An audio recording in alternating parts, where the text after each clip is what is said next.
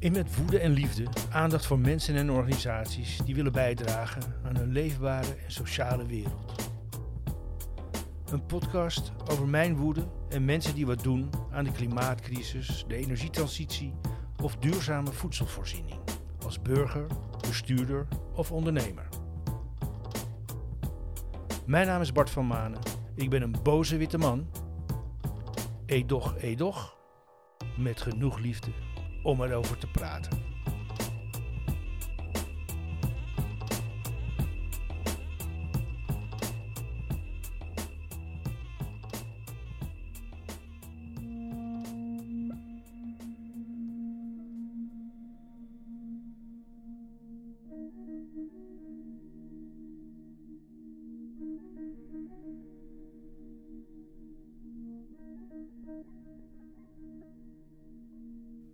Een grote frustratie van mij is de stroperigheid van politieke besluitvorming als het om klimaat, stikstof of energietransitie gaat. Terwijl het nieuws dagelijks voorbeelden geeft van de urgentie om iets te doen aan deze kwesties, ontbreekt het politici, als de wil er al is, aan doorzettingsmacht.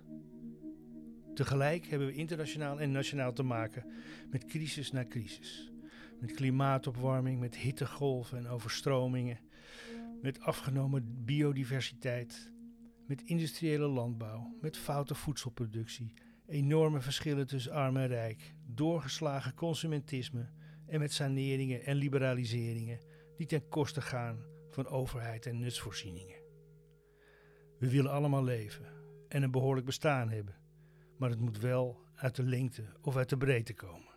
We staan er niet erg florissant voor. In januari dit jaar zijn zes klimaatactivisten thuis opgepakt op verdenking van opruiing. Ze zouden zijn aangesloten bij Extinction Rebellion en hebben opgeroepen om op zaterdag 28 januari te komen demonstreren. Het maakte me woedend. Ik dacht, gaat Nederland nu de dictatuur worden waar de wappies en de complotketeltjes ons voor waarschuwden? Het gaat toch om democratische grondrechten, om burgerlijke ongehoorzaamheid en om geweldloos demonstreren. Gelukkig werkte het preventief arresteren averechts. Meer mensen sloten zich juist aan bij de beweging. Op 27 mei waren zo'n 7000 mensen aanwezig bij de zevende blokkade van de A12. Ook ik stond die zaterdag een potje burgerlijk ongehoorzaam te wezen op het asfalt in Den Haag.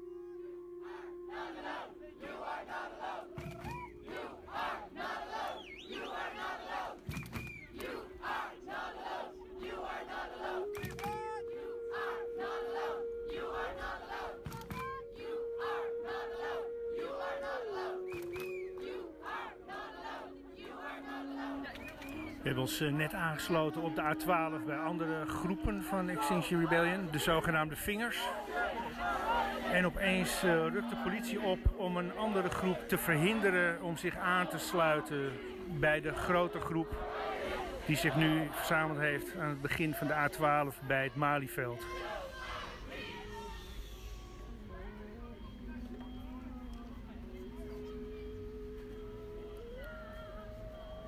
Het teken tot stilte is net gedaan, dus nu zwijgt iedereen.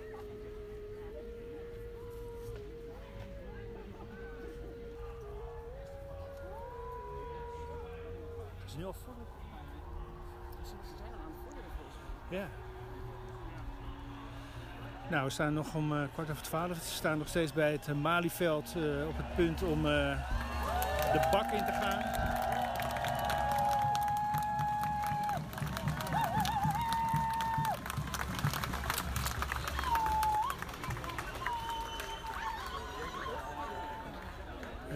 Politie heeft al een linie gevormd en het lijkt erop alsof ze nu al de eerste vordering gaan doen. Dat betekent dat uh, de demonstratie al strafbaar is verklaard. En dat na de derde vordering mensen gearresteerd kunnen gaan worden.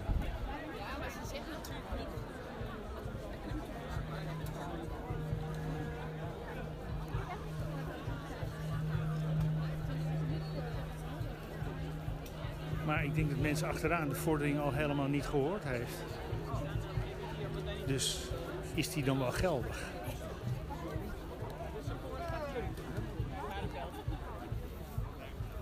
We hebben de A12 geblokkeerd!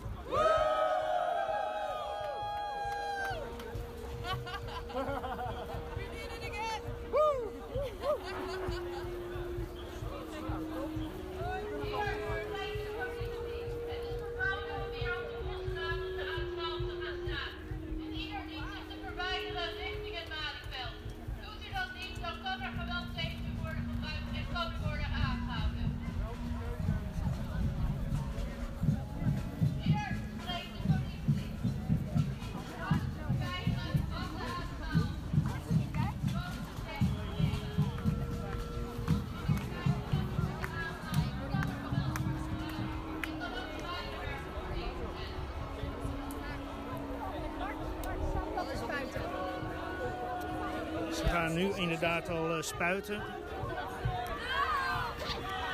Dit is wel heel erg vroeg in de demonstratie.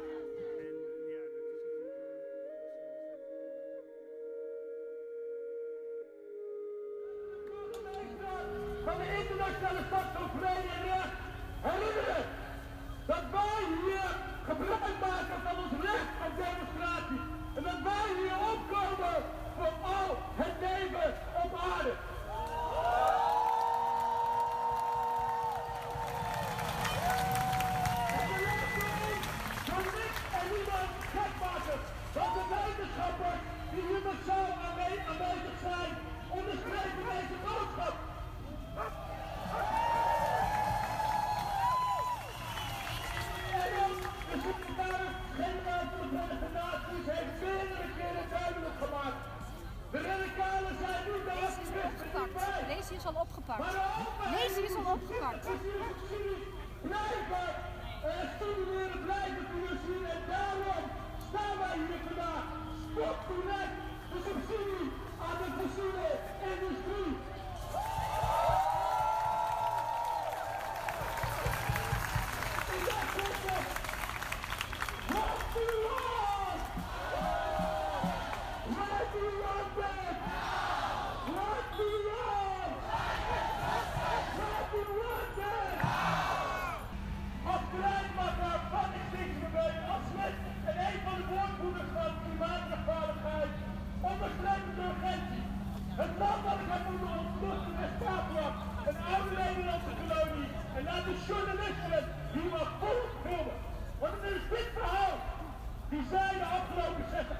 hebben. Klimaatrechtvaardigheid internationaal.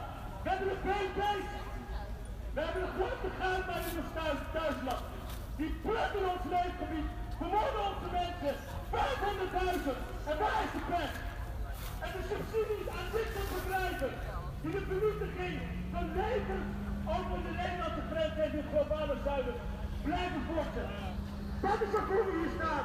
En als jullie vragen waarom doen jullie dit het is ongemakkelijk, ja, er gaan mensen dood. De West-Papua. Nou, inmiddels is onze leider van de vinger al gearresteerd. En zijn we momenteel ingesloten door drie waterkanonnen.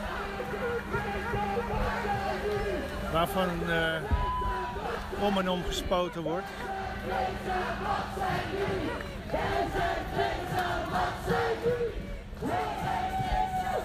Er worden dus al mensen eh, uit de menigte gehaald om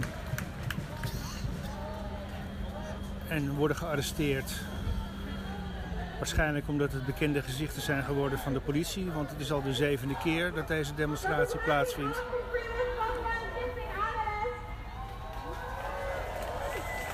Er zijn al mensen die eh, zich in bikini wagen omdat ze worden natgespoten. En er worden poncho's uitgedeeld, regenjassen tevoorschijn gehaald.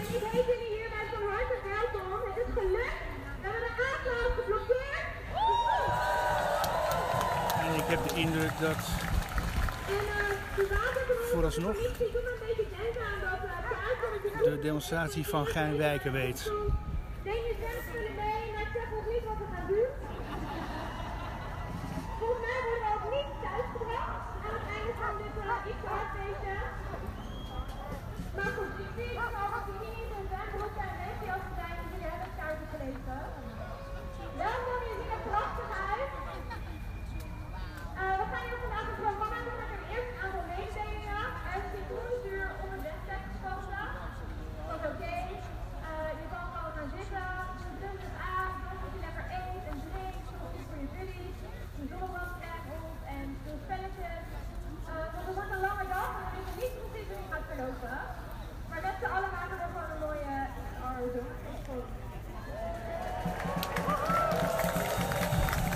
Bemoedigende woorden nu van het eh, podium.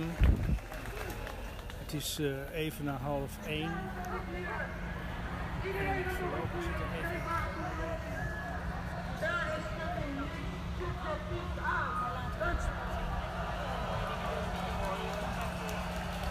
Nou, Teun van de Keuken heeft net een eh, vlammende speech gehouden over waarom je als journalist objectief moet kunnen zijn en hier aanwezig kunnen zijn.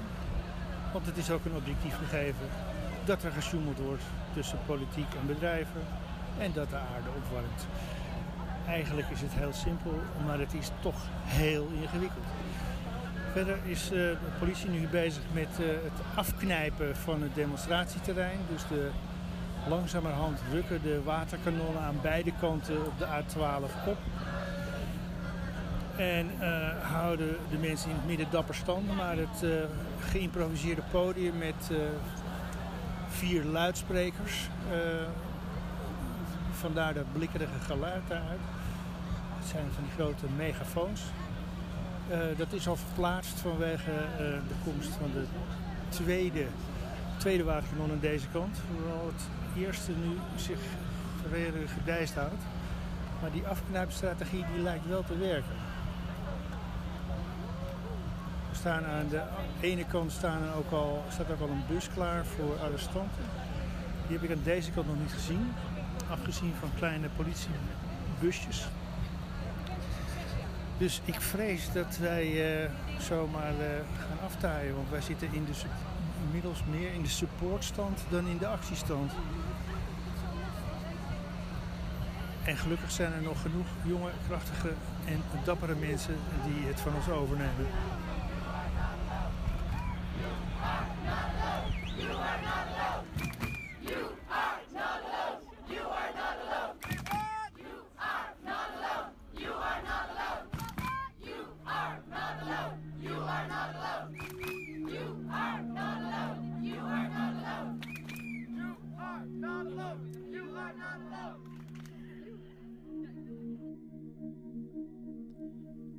Wat je als nieuwe rebel bij Extinction Rebellion snel merkt, is hoe goed de dingen zijn georganiseerd en hoe aardig de mensen zijn in de omgang. In de voorbereiding, tijdens de acties zelf, maar ook daarna.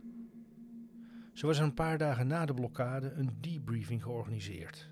Online, maar ook in levende lijven.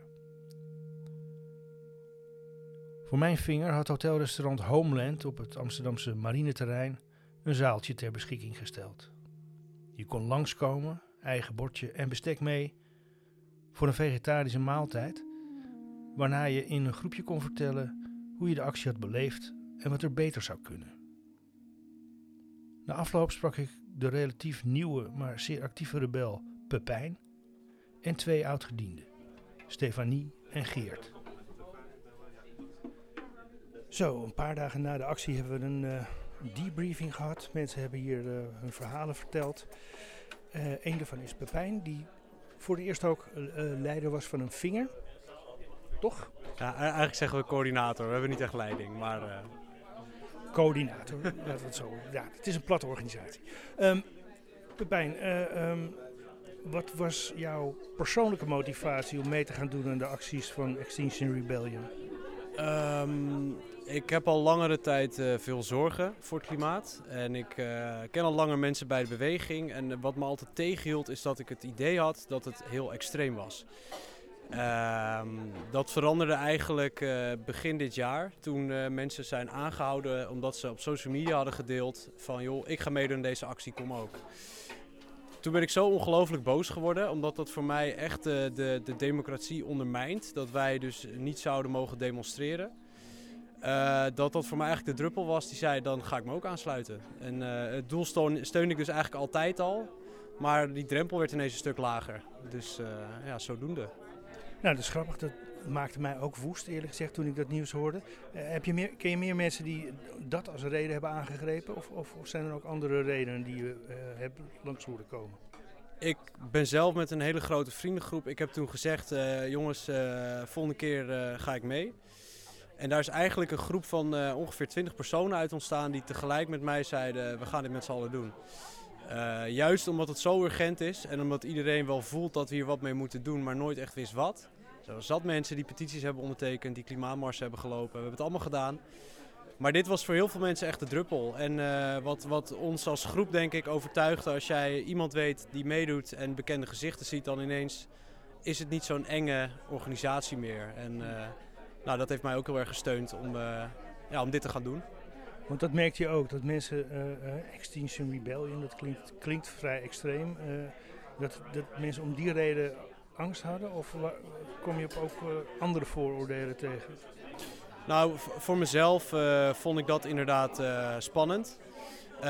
Ik vond het inderdaad wat extreem. Ik wist dat er dingen waren met arrestaties. Nou, dan, ik ben redelijk jong, dus dan ga ik toch denken, joh, heeft dat misschien nog gevolgen voor, eh, voor later, voor keuzes in mijn carrière, dat soort zaken. Dus dat was iets wat me tegenhield. Ehm, en dat extreme, ja, uiteindelijk als je, vind ik, als je de, ja, ik kan dus alleen voor mezelf spreken, als je de beweging eh, leert kennen, voor mij was dat heel erg dat ik dacht, oh, hier zitten hele normale mensen. Mensen in het onderwijs, mensen die bij de overheid werken, wetenschappers, studenten. Echt een hele brede groep van de samenleving die gewoon weet, eh, dit gaat echt niet goed en hier moeten we wat aan doen. Eh, alles wat we tot nu toe hebben gedaan werkt niet. Die, die klimaatmarsen, de petities, dat soort zaken.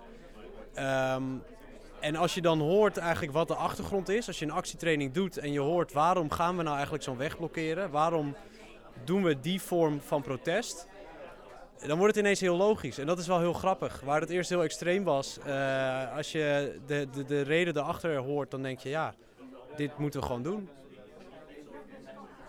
En dat doe je dus nu. Ehm, deze actie eh, voor het eerst als coördinator bij de A12. Hoe is je dat bevallen eigenlijk?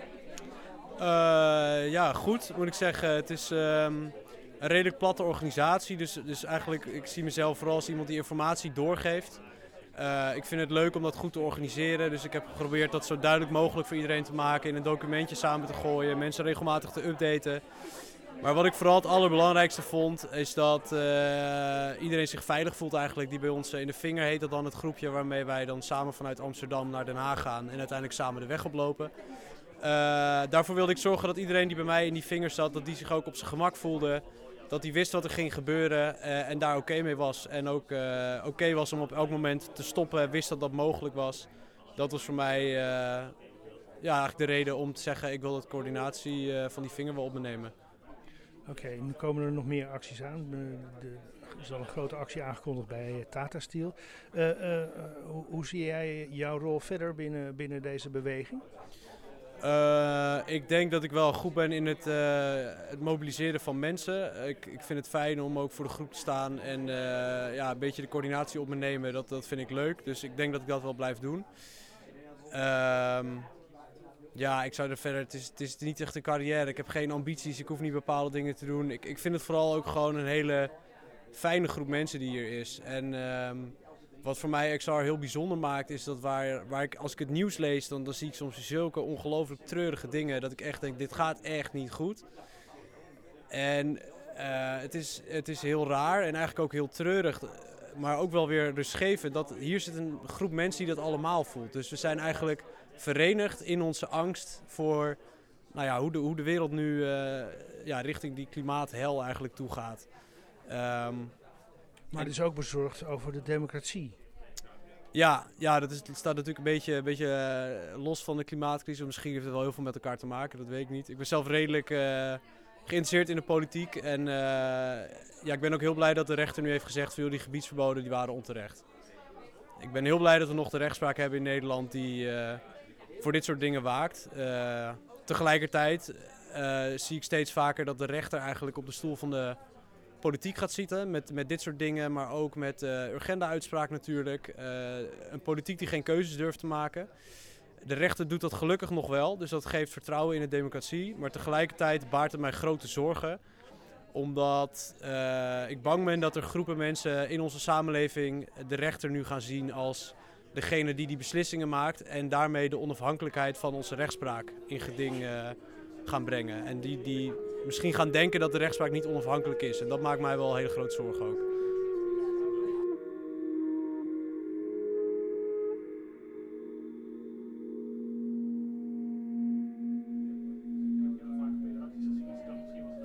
Oh nee, ja, nee, die doe ik iets minder. Ja, maar Simon, je kent mij toch al lang? Ja, natuurlijk, maar ik probeer het wel te plaatsen van. Ja, daarom. moet dus eigenlijk minder doen. Ik doe te veel. Ik vind,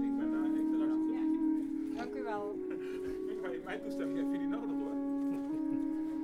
Ik vind zelf dat ik wat minder moet doen. Maar je was wel een stoper toch? Toen met die, eh, Oh ja, nee, toen was jij er ook. Ja, Ja, ja. Oh ja, nee, toen wel. Ja, dat was een goede actie. ja, die was heel mooi. Oh, dat was, Dat, eh, dat moeten we nog Ja, eens herhalen. Dat was een actie waar zeg maar, de hoeveelheid agenten tegen ook aan demonstranten zo heerlijk op zitten.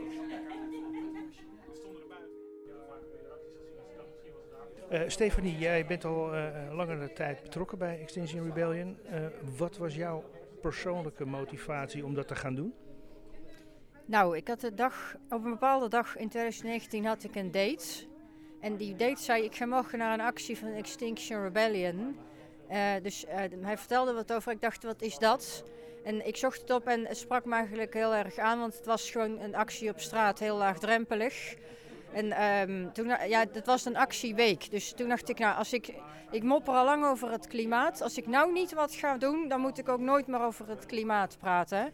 Dus toen eh, heb ik op de laatste actiedag ben ik eh, aangeschoven bij een blokkade. En zo ben ik erbij gekomen. En wat was het voor blokkade? Ja, dat was een blokkade op de Blauwbrug bij de Stopera in Amsterdam. En eh, ehm, sindsdien heb je dus aan meerdere acties meegedaan, maar op welke manier ben je momenteel actief? Eh, ja, als ik kan, dan daag ik op bij acties. Want er moeten nou eenmaal eh, mensen aanwezig zijn. En ehm, ja, ik neem allerlei taakjes op me. Bijvoorbeeld, ik, eh, ik doe de toiletten op een actie. Of ik organiseer zelf ook acties. Ik doe ook wat social media. Ehm, ja, van alles. Hey, en eh, dan kom je natuurlijk in het gewone leven ook je familie en vrienden tegen. Wat vinden die ervan? Ja, dat is een goede vraag. Ehm, het, ze draaien wel bij. Sommige mensen die zijn iets positiever, maar over het algemeen krijg ik niet echt applaus en heb ik het idee dat mensen het maar gek vinden. En eh, ja, het lijkt een ver van hun bedshow. Eh ja, dat vind ik toch best jammer. Want hoe ga je er daarmee om? Want ik kan me voorstellen dat het ook teleurstellend is. Als je al een paar jaar mee betrokken bent en je ziet zelf het belang ervan in. En andere mensen, ja, die stappen er toch wel lichtvaardig overheen, heb ik af en toe de indruk. Ja, ik heb daar best moeite mee. Ik denk dat het ook e- nou eenmaal maar zo is. Maar ehm, ja, ik snap het niet goed, want die, het staat tegenwoordig wel in iedere krant hoe slecht het met het klimaat gaat. Dus ik, ik begrijp niet dat mensen daar nog eh, doof en blind voor zijn, eerlijk gezegd. Maar hoe je ermee omgaat, ja, niks. Je moet het maar eh, hebben van je strijdmakkers dan. Eh, hoe, is het, hoe is het voor jou, eh, Geert? Jij bent ook al lang, langer betrokken. Eh, wat was voor jou de initiële ja, eh, obstakel dat jij misschien opzij moest zetten om hier aan mee te doen? Nou, ik hoef niet echt een obstakel eh, opzij te zetten. Ik werkte toen aan de universiteit en eh, de mensen om me heen. Ja, dat, het, begon, het begon enorm te leven. Dus ik werd er gewoon eigenlijk ingezogen. En ehm, Kwam dat ook door je studie? nou, weet ik niet. Ik heb natuurkunde gestudeerd. Ik, het, nou, het, het- het- nee, het, was een beetje, het ging ook een beetje over alle studies heen eigenlijk. Het was gewoon de, de studentenpopulatie, daar leefde het gewoon heel erg. Merkte ik. Ja. Eh, maar wat was dan, zeg maar, de, de, welk argument of welk, welke gebeurtenis gaf het setje om echt te gaan doen? Nou, ik werd er gewoon bij gevraagd van kom eens even kijken naar, eh, kom eens even kijken wat het voor beweging is. Er werden toen picknicks georganiseerd in de zomer. Nou, toen ben ik daar eh, heen gegaan en toen zijn we gewoon eigenlijk plannen gaan maken. Maar wat me enorm hielp was dat ik al met vrienden al langer dacht in mijn hoofd van we hebben een beweging nodig die systematisch eh, zich gaat organiseren om een vuist te vormen tegen alles wat er op dit moment gebeurt. En wat er toen in ieder geval op mij wa- wat er in mijn zichtsveld op dat moment was, waren alleen maar marsen tegen van alles. Dus een mars tegen voor homorechten, een mars voor het klimaat, een mars tegen dit en dat. En dan ging, je soms, ging ik soms, of tegen Zwarte Piet bijvoorbeeld. Nou, dat is dan uiteindelijk wel een succesvolle campagne geworden. Maar dan ging ik bijvoorbeeld naar zoiets en dan kende ik daar niemand, behalve de vriend eh, of vriendin waarmee ik ging. En dan was het daarna ook weer klaar. En dan nou, had je weer even een paar maanden niks of zo. En, en Extinction Rebellion, die ging heel erg... In ieder geval, dat was, dat, was voor mij toen de enige beweging die echt structureel iets neerzette. En dat vond ik heel inspirerend, want ik dacht al heel lang van dit is precies wat we nodig hebben. Want anders blijft het los zand en dan... Ja, dat zie je ook bij een klimaatmars bijvoorbeeld. Daar komen dan 50.000 mensen en de overheid zegt eigenlijk... Ja, zien ze als een soort peiling van Maurice de Hond bijna. Van oh, even een update van hoe mensen een beetje denken. Maar als die allemaal vervolgens weer naar huis gaan en dan weer thuis blijven zitten, dan gebeurt er gewoon niks. En daar is Extinction Rebellion heel goed in. En, en, en je hebt ook de indruk dat eh, eh, de politiek nog steeds niet in beweging is. Nou, er gebeurt wel veel, denk ik hoor. Binnen de bepaalde bestaande dingen die kunnen, zijn er wel allemaal dingen op, op touw gezet. Ik bedoel, er zijn enorm veel. eh, nou, er komen steeds meer zonnepanelen bij. eh, er wordt eh, veel subsidie toegekend aan allerlei van dat soort dingen. Er, er komen heel veel wind op zee bij. Dus ze zijn wel bezig hoor. Alleen, ze beschouwen het niet als een existentiële crisis die waar ze echt moeten gaan vertellen dat er pijnlijke keuzes gemaakt moeten worden. En dat we het alles op alles nu moeten zetten. Het wordt meer een beetje gebracht als van straks rij je in een elektrische auto in plaats van nu eh benzineauto. En dan gaan we lekker verder met onze manier van leven. En nou, En wat, wat, wat doe je er zelf aan om, om daar aan die val te ontkomen? Want het is natuurlijk eh, heel makkelijk. Nou, dan- maar niet eh, met, een, eh, met een diesel, maar dan maar elektrisch. Ik bedoel, dat, dat zal zo voor, veel mensen zijn. Maar Ja. hoe, hoe ga jij met je leven om? nou ik... eh, ja, enerzijds drink ik gewoon nog melk en eet ik gewoon nog yoghurt, zeg maar. Dus ben ik ook gewoon lekker gewoon, aan het genieten van dingen. Ik was laatst eh, fietsen in Duitsland en toen eh, had, was ik met een vriend die enorm lekker kon koken. Hebben we lekker worstjes zitten eten. En, eh, dus ik ben ook weer niet zeg maar, heel Calvinistisch daarin. Wat ik wel heel erg probeer te doen is steeds na te denken bijvoorbeeld van... als ik bijvoorbeeld met een vriend op vakantie ga, dat is een goed voorbeeld. Van, dan denk ik van, hoe kan ik nou daar een hele gezellige vakantie van maken? Nou, ik vind bijvoorbeeld fietsen heel leuk. En, maar andere mensen, ik, ik probeer dan wel te denken van, ja, ik hoef dus niet per se met het vliegtuig. Want dat, dat doet mij gewoon niet zoveel dat ik dan ergens eh, in een heel zonnig eiland ben of zo. Dus ik probeer er elke keer wel na te denken van, wat, wat zijn nou echt de belangrijke dingen in het leven? En ehm, probeer, maar dat probeer ik eigenlijk ook gewoon überhaupt los van de klimaatimpact van dingen. Probeer ik ook niet een soort hersenloze consument te zijn. Dus bijvoorbeeld, eh, ik koop heel veel dingen tweedehands. Ik, eh, ik ga niet naar resorts op vakantie. Ik, eh, ik heb geen auto. eh. Je stookt bijna niet meer. Kachel, ik zet mijn kachel op 15. Mag ook wel even gezegd worden. ja. Nou, jij gaat nog lager, Stefanie. Maar, eh, Bedwing de bling, hoor ik hier. De bling van het leven. Wat is de blink? Ga- Ik weet niet. Alle, alle luxe overbodige dingen, zullen we zeggen. Ja, nou, dat, die zijn, die zijn, die, kijk, dat is dus wel, maar dat is misschien ook gewoon onze generatie wat meer. En, en ik, ja, ik heb het gevoel dat heel veel mensen dat ook al lang weten. Dat het de kern van het leven niet zit in eh, steeds maar nieuwe kleding kopen. Alleen dat zijn mensen volgens mij een beetje vergeten. En dat zijn we nu weer opnieuw, gaan we nu weer opnieuw leren. Ja. En hoe doe je het met vakanties bijvoorbeeld? Ga jij nog vliegen? Ehm, nou, sinds ik bij Extinction Rebellion ben gegaan, eh, heb ik niet meer gevlogen, want ik vond het niet eh, eh, eigenlijk kunnen. Eh, maar ik vind best dat iemand af en toe een vlucht mag maken, maar het moet wel reden hebben. Dus even in Londen gaan winkelen met het vliegtuig, dat zou, vind, ik, vind ik zot. Maar ja, als iemand een keer zijn familie wil bezoeken of een lange reis wil maken, ja, dat hoort ook bij het leven. Je hoeft niet tot op het bot te gaan, maar allemaal een beetje minder kan ook wel. En, en, eh, goed om te noemen trouwens dat Extinction Rebellion daar ook niet de nadruk op legt. Hè. We, we proberen dat ook niet... We zijn, ja, we zijn daar zelf niet zo mee bezig, denk ik. Ik denk dat mensen afzonderlijk daar wel allemaal bezig zijn, maar dat is niet binnen Extinction Rebellion een soort sfeertje van wie is het coolst of zo. Wie zit er het koudst bij en wie heeft de oudste kleren? Dat is niet de sfeer. Tussen ons wel, maar, nee, maar dat win jij toch. dat kan een hele aparte wedstrijd worden, zullen we maar zeggen. Ja, daar zijn jullie niet op uit. Nee, maar het, het, eh, als je maar erover nadenkt. En uiteindelijk, ja, nou, hier vind je niet veel mensen die enthousiast zijn over kopen, winkelen en consumeren. Nee.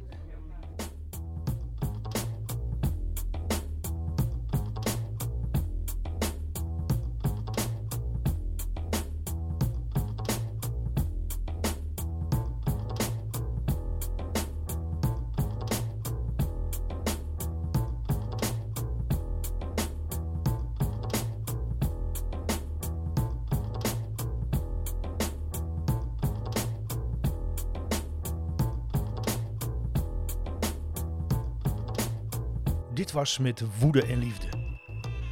Ik bedank voor hun medewerking Lazy, Let, Pepijn, Stefanie en Geert. Alle betrokken bij Extinction Rebellion. De beweging tegen de ecologische en klimaatcrisis. Wil je deze podcast steunen? Dat kan via petjeaf.com slash met woedeliefde. Aan elkaar geschreven graag. Ik ben nu wat minder boos, maar ik blijf praten. Tot de volgende keer.